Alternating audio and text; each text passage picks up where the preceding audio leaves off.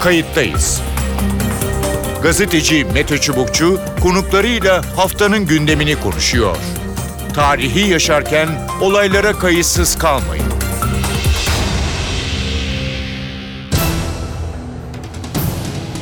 İyi günler bir kayıttayız programıyla daha karşınızdayız. Tarihe ışık tutmak ve olan biteni anlamak için yarım saat boyunca sizlerle birlikte olacağız. Ben Mete Çubukçu.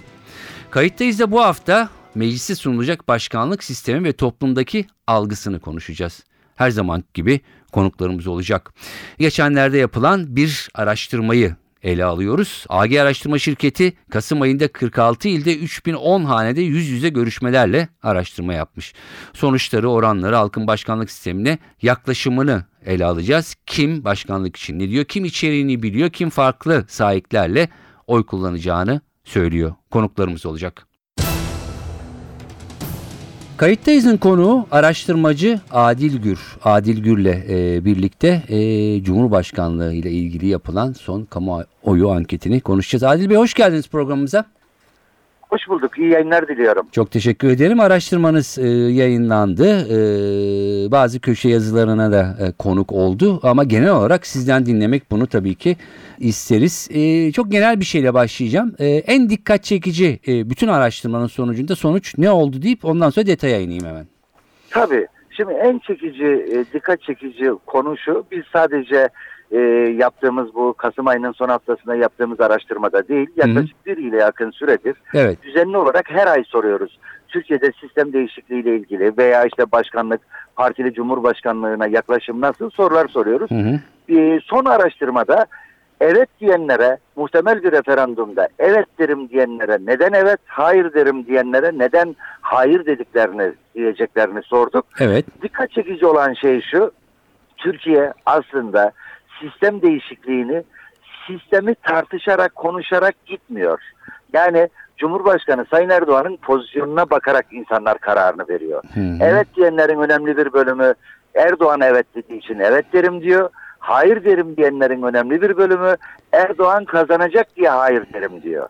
Yani e, ortada bir sistemi tartışmaktan daha çok Cumhurbaşkanının pozisyonuna bakarak karar veriyor. Bu benim için şaşırtıcı oldu. Evet yani e, sonuçta şu mu peki içerikle ilgili bir şey e, var mıydı sorduklarınızda? Tabii vardı. Yani, Yani bu hani- araştırma Bilip bilmedikleri Tabii. ya da neyi kapsayıp Tabii, kapsamadığı. tabii yani şimdi biz e, bir yıllı bir süre içerisinde her ay soruyoruz dedim. Hı hı. E, mesela e, insanlara e, sistem hakkında ne kadar bilgi sahibi olduklarını sorduk. E, Yüzde 40 e, başkanlık sistemi hakkında bilgi sahibiyim diyor. hı. Yani Türkiye'de toplumun yüzde 40'ı bilgi sahibiyim diyor ama bilgi düzeylerinin ne ölçüde olduğunu ölçme şansımız da yok. Anladım. Yani e, uzunca biz yıl- bir süredir e, kamuoyunda konuştuğumuz şu. Ya biz bir sistem değişikliğini e, Türkiye konuşuyor ama Evet. içeriğini bilmiyoruz. Yani içeriğini bilmiyoruzdan kastımız AK Parti ile MHP'nin e, Türkiye Büyük Millet Meclisi'ne getireceği teklifin içinde neler yazıyor değil. Hı hı. Sistemin ne olduğunu bilmiyoruz. Mesela e, biz Türkiye neyle yönetiliyor diye sorduğumuzda daha iki ay öncesine kadar Türkiye parlamenter sistemle yönetiliyor diyenlerin oranı sadece %50 idi. Bugün bile %70'ler olmadı. Çok Yani ilginç. toplumun önemli bir bölümü Türkiye'nin neyle yönetildiğini dahi bilmiyor. Hı. Ee, her konuda olduğu gibi biz kamplaşarak, kutuplaşarak oy vermeyi düşündüğümüz partinin görüşü doğrultusunda karar veriyoruz. Hiç unutmuyorum 2010 referandumunda da yani anayasa değişikliğine evet diyenlerin %70'inden fazlası, hayır diyenlerin %70'inden fazlası değiştirilmesi istenen bir tek anayasa maddesini dahi sayamıyordu. Evet. Ee, e, her konuda olduğu gibi Türkiye kamplaşarak, kutuplaşarak e, bir, bir şekilde seçmen e, tercihi sandığa yansıyor. Yine böyle olacak gibi görünüyor bu referandumda Peki da. şunu hemen sorayım. Başta söylemiştiniz. Şimdi e, partili cumhurbaşkanı mı, e, başkanlık sistemi mi ya da e, partiye bağlı olmadan bir cumhurbaşkanlığı gibi sorular var mıydı? Bunlar önemli mi yoksa Cumhurbaşkanı Erdoğan'ın kendi kişiliği mi öne çıkıyor? Şimdi şimdi ikisini birbirinden ayırmak lazım. Şimdi Hı hı. birincisi Türkiye'de başkanlık lafına bir şey var. Toplumun bir bölümü tereddütle yaklaşıyor. Hı hı. Ee, yani biz uzunca bir süredir yaptığımız araştırmaları kamuoyuyla paylaşırken televizyon programlarında sıkça dile getirdik. Halk başkanlığa temkinli, Cumhurbaşkanlığına daha sıcak bakıyor. Fark, Geldiğimiz fark noktada- var mı aslında amaçlanan? Var. Peki var, buyurun. Var, tabii ki var. Tabii ki var. Yani e, yani örneğin 15 Temmuz'dan önce yapılan araştırmalarda başkanlık dediğinizde hayır çıkıyordu. E, partili cumhurbaşkanlığı dediğinizde evetler az bir farklı hayırları geçiyor idi. Hı hı. Şimdi Türkiye'de sistem değişikliğine e, bakanların algısındaki süreç 15 Temmuz'a kadar farklı, 15 Temmuz'dan sonra daha farklı. Hı hı. Neden? 15 Temmuz'a kadar dediğim gibi başkanlık diye sorduğunuzda hayırlar 7-8 puan evetlerden fazla çıkıyor idi. Evet. 15 Temmuz'da iki tane şey oldu. Bir, Sayın Cumhurbaşkanı'na duyulan ilgi, sempati, güven, teveccüh arttı. Kamuoyu nezdinde Cumhurbaşkanı'na olan ilgi arttığı için Cumhurbaşkanı'nın desteklediği bir sisteme olan ilgi de arttı. Hı hı. İki, 15 Temmuz'la birlikte son zamanlarda sıkça da konuşuluyor. Efendim işte Türkiye'de bir sistem değişikliği olur ise Hı hı. e, terörle mücadelede bu ülkenin bekası ile ilgili kararlarda daha hızlı karar alınabilir e, fikri hakim olmaya başladı. Bu iki neden nedir ki e, 15 Temmuz'dan sonra yapılan araştırmalarda evetler hayırlardan hep 3-5 puan fazla çıkmaya başladı. Bizim son yaptığımız araştırmada da evet. muhtemel bir referandumda evet diyeceğim diyenler 45.7, hayır diyeceğim diyenler 41.6. Dağıttığımızda e, fikrim yok sandığa gitmeyeceğim diyenlere 52. E, 4'e 47.6 e, gibi bir sonuç çıkıyor. Arada 3-4 puanlık bir Hı -hı. fark var. Hı -hı. Evetler daha fazla görünüyor. Ama önümüzdeki dönemde e, bu kampanyalar başladığında konuşuldukça, tartışıldıkça ben evet cevaplarının daha da artacağını düşünüyorum. Hı hı. Çünkü neden? E, e, anayasa değişikliği teklifinin altına imza atan iki tane partinin oy toplamı Hı hı. bugünlerdeki araştırmalarda %65'ler civarında. Fire olmaz Ama- mı oradan? İşte orada fire olduğu için şimdi 52 gözüküyor. Ha, yani evet, onun bir hayli altında gözüküyor. Ama e, muhtemelen referanduma giderken parti aidiyeti birincisi daha ön plana çıkacak. Hı hı. İkincisi HDP'nin olduğu yani Türkiye'de terör algısı malum, PKK algısı malum, HDP algısı malum. AK Parti ile MHP'nin bir tarafta, CHP ile HDP'nin öbür tarafta olduğu bir referandumda ben e, hayır bloğunun e, ne olursa olsun evetten daha fazla çıkacağı kanaatinde değilim. Çünkü neden? Türkiye kuvvetle muhtemeldir ki önümüzdeki dönemde referandum sürecinde Hı hı. sistemi tartışarak gitmeyecek. Yani belki bu sistem tartışmaları terörle mücadelede daha etkin karar alma meselesi mekanizması tartışılarak gidecek diye düşünüyorum. Ee, zaten iki partinin tabanının önemli bir bölümü ikna edilirse veya sadece AK Parti'nin tabanının ikna edilmesi bile evetlerin çıkması için yeterli. Ama e, öyle zannediyorum ki ne kadar yüksek oranda evet çıkar ise Hı hı. sistem değişikliği o zaman kamuoyunda daha fazla kabul görür diye Peki o zaman şimdi başta e, kurduğunuz cümleye döneceğim. E, insanlar çok fazla içeriğine bakmıyor. Hatta sistemin ne olduğunu bile bilmiyor. Bir kısmını e, demiştiniz. E, ama Cumhurbaşkanı'nın hani, e, kişiliği ve bu saydığınız işte terörle mücadele, e, tek elden yönetim, daha başarılı yönetim ya da işte kimilerine göre e, başka da e, yorumlanıyor. Navi yani içeriye çok fazla yani e, bu sistem olduğunda anayasa nasıl olacak, diğer değişiklikler nasıl olacak çok fazla bilinmiyor ve önemsenmiyor. Daha sonra hani Evet. biraz kervan yolda düzülür gibi bir şey bu da. Öyle mi? Evet. Şimdi e, evet diyenlere niçin evet diyeceklerini sordum. Evet. Her 100 kişiden 44'ü diyor ki Cumhurbaşkanı Erdoğan evet dediğim için evet diyorum. diyor. Evet. 50 e, 56'sı ise diyor ki işte efendim Türkiye'de işte bir sistem değişikliği Hı gerekli parlamenter sistemle bu iş olmuyor diyor. Hı hı. Hayır diyenlerin %31'i diyor ki ben sistem değişikliğine karşı değilim. Başbak Cumhurbaşkanı Erdoğan kazanacak diye karşıyım Hı diyor. hı hı. Aslında bu rakamların ben gerçekten daha fazla olduğunu düşünüyorum. Ama seçmen ya ben karşıtlık nedeniyle oy veriyorum demek yerine birazcık da sisteme bağlıyor. Hı hı. Şimdi Türkiye'de aslında işin özünü konuşmak gerekirse Evet. 2014'ten bu yana ne yiyeceği belirsiz bir sistem var. Hı hı. Yani neden ne yiyeceği belirsiz bir sistem diyorum. 2007'de Türkiye bir anayasa değişikliği yaptı. Evet. Aslında meselenin %60'ı 2007'de halledildi. 2014'te Cumhurbaşkanlığı halkın seçmesiyle birlikte Türkiye aslında yarı başkanlık bir modeline geçti fiili olarak. Hı hı. Bugün bir parlamenter sistem diyoruz ama Bakanlar Kurulu külliyede toplanıyor. Hı hı. Yani e, ortada parlamenter sistem desek ona benzemeyen e, veya işte başkanlık, yarı başkanlık, partili cumhurbaşkanlığı desek ona benzemeyen bir sistem var. Evet. O nedenledir ki MHP ya halkın önüne getirelim, halk bir karar versin dedi. Ama ben şöyle düşünüyorum, bir örnek vermek gerekir.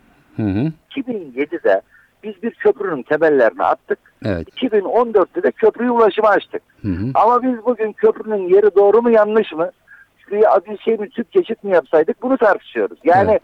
bu noktadan sonra artık geriye dönüşün çok mümkün olmadığını Hı hı. o nedenle bence karşıtlık üzerinde değil bu ülkeyi düşünüyorsak, çocuklarımızı düşünüyorsak, önümüzdeki onlarca yılı bu yeni anayasa değişikliğiyle yöneticilerini düşünüyorsak sistemi tartışmamız lazım. Anladım. Doğrularıyla eksikleriyle.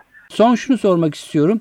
Ee, kısa da bir yanıt alırsam e, sevinirim. Yaş gruplarına baktığımızda e, görece tabii ki yani çok e, büyük Evet. farklar yok ama gençlerden daha tereddütlü bir yaklaşım. E, orta yaş üstünden daha net yaklaşımlar var. Ne dersiniz? Şimdi doğru. Bunun e, iki tane nedeni var. Hı hı. Birincisi e, seçmen davranışı ile ilgili. Şimdi genç seçmenler daha ideolojik oy kullanıyorlar. Biraz daha muhalifler sisteme. Dünyanın her tarafında böyledir. Onun için MHP'ye, HDP'ye, kısmen CHP'ye oy veren kendi içerisinde bakın sayısal olarak demiyorum gençlerin oranı fazla. Hı hı. İkinci bir temel neden de şu. e, başkanlık sistemi istikrar getirir algısı var. Algılardan bir tanesi de bu. E, veya işte partili cumhurbaşkanı. Gençler bundan 30 yıl öncesini, 20 yıl öncesini hatırlamadığı için koalisyon dönemlerini bilmiyorlar. E zaten O o, ama o, o, o orası da bir tarih oldu artık Adil Bey değil mi? Yani siz de biz Evet. de yaşlandık. o Tabii, artık tabii. bir tarih ötesi kaldı. Soğuk savaş döneminde kaldı bir de. O dönemler. Aynen öyle. Şimdi öyle olunca da o dönemi hatırlamadıkları için Evet. yaş yükseldikçe istikrara oy veririm diyenlerin oranı artıyor. Ee, ama yani şunu da hatta söylemeden edemeyeceğim. Mesela 5 yıl sonra 10 yıl sonra Evet. eskiden SSK kuyrukları vardı. Eskiden bilmem tüp gaz bilmem ne kuyruğu vardı demenin e, tarih olacağı gibi. Evet. E, çünkü zaman geçtikçe şeyler değişiyor. İnsanlar çünkü görmeye alıştıkları e, hizmetlerden artık daha fazla yenilik beklemeye başlıyor. Öncesinin değeri olmuyor. Yaştaki farklılığın bundan kaynaklandığını Doğru. düşünüyorum. Peki. Çok teşekkür ediyorum Adil Gür hem Ben araştırmanızı paylaştığınız hem de yorumlarınız için. Kayıttayız'ın konuğu Mehmet Tezkan. Mehmet Tezkan, e, Milliyet Gazetesi köşe yazarı. Mehmet Tezkan hoş geldiniz programımıza. Hoş bulduk, iyi yayınlar. Teşekkür ederim. E, kayıttayız da e, başkanlık ya da cumhurbaşkanlığı e, öncesi yapılan kamuoyu yoklamaları e, üzerinden e, elimizde şimdi Adil Gür'ün e, araştırma şirketinin bir son yaptığı e, anket var. Onun üzerinden e, soruyoruz. E, yorumunuzu almak istiyoruz. Tabii Adil Bey'le de konuştuk. Kendisi şunu söylüyor. İnsanlar içerikten çok aslında e, kişiliğe bakıyor. Yani daha doğrusu içeriği çok fazla bilmiyor. Ee, ön planda tabii ki Cumhurbaşkanı e, Recep Tayyip Erdoğan. Dolayısıyla evet diyenler daha çok onun için e, evet Tabii, diyor. evet. İçerik e, onlar için çok fazla öne çıkmıyor diyor. Ne dersiniz?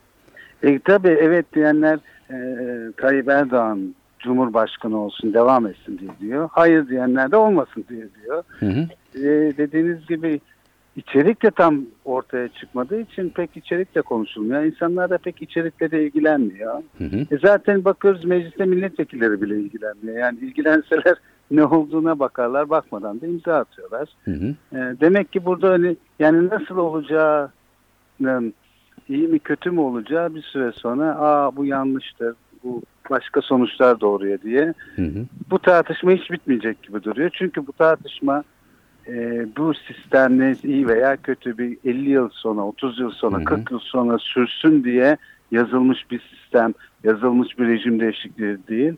Cumhurbaşkanı başkan olsun, başka, başbakanlık kalksın. Yani ona göre dizayn edilmiş, ona göre formüle edilmiş bir anayasa değişikliği olarak karşımıza çıkıyor. E bunun getireceği Evet. ileride bir sene sonra, iki sene sonra, üç sene sonraki sakıncaları da göğüsleyeceğiz herhalde ve o sakıncalar çerçevesinde bu tartışma uzun süreceğe benziyor. Hı hı.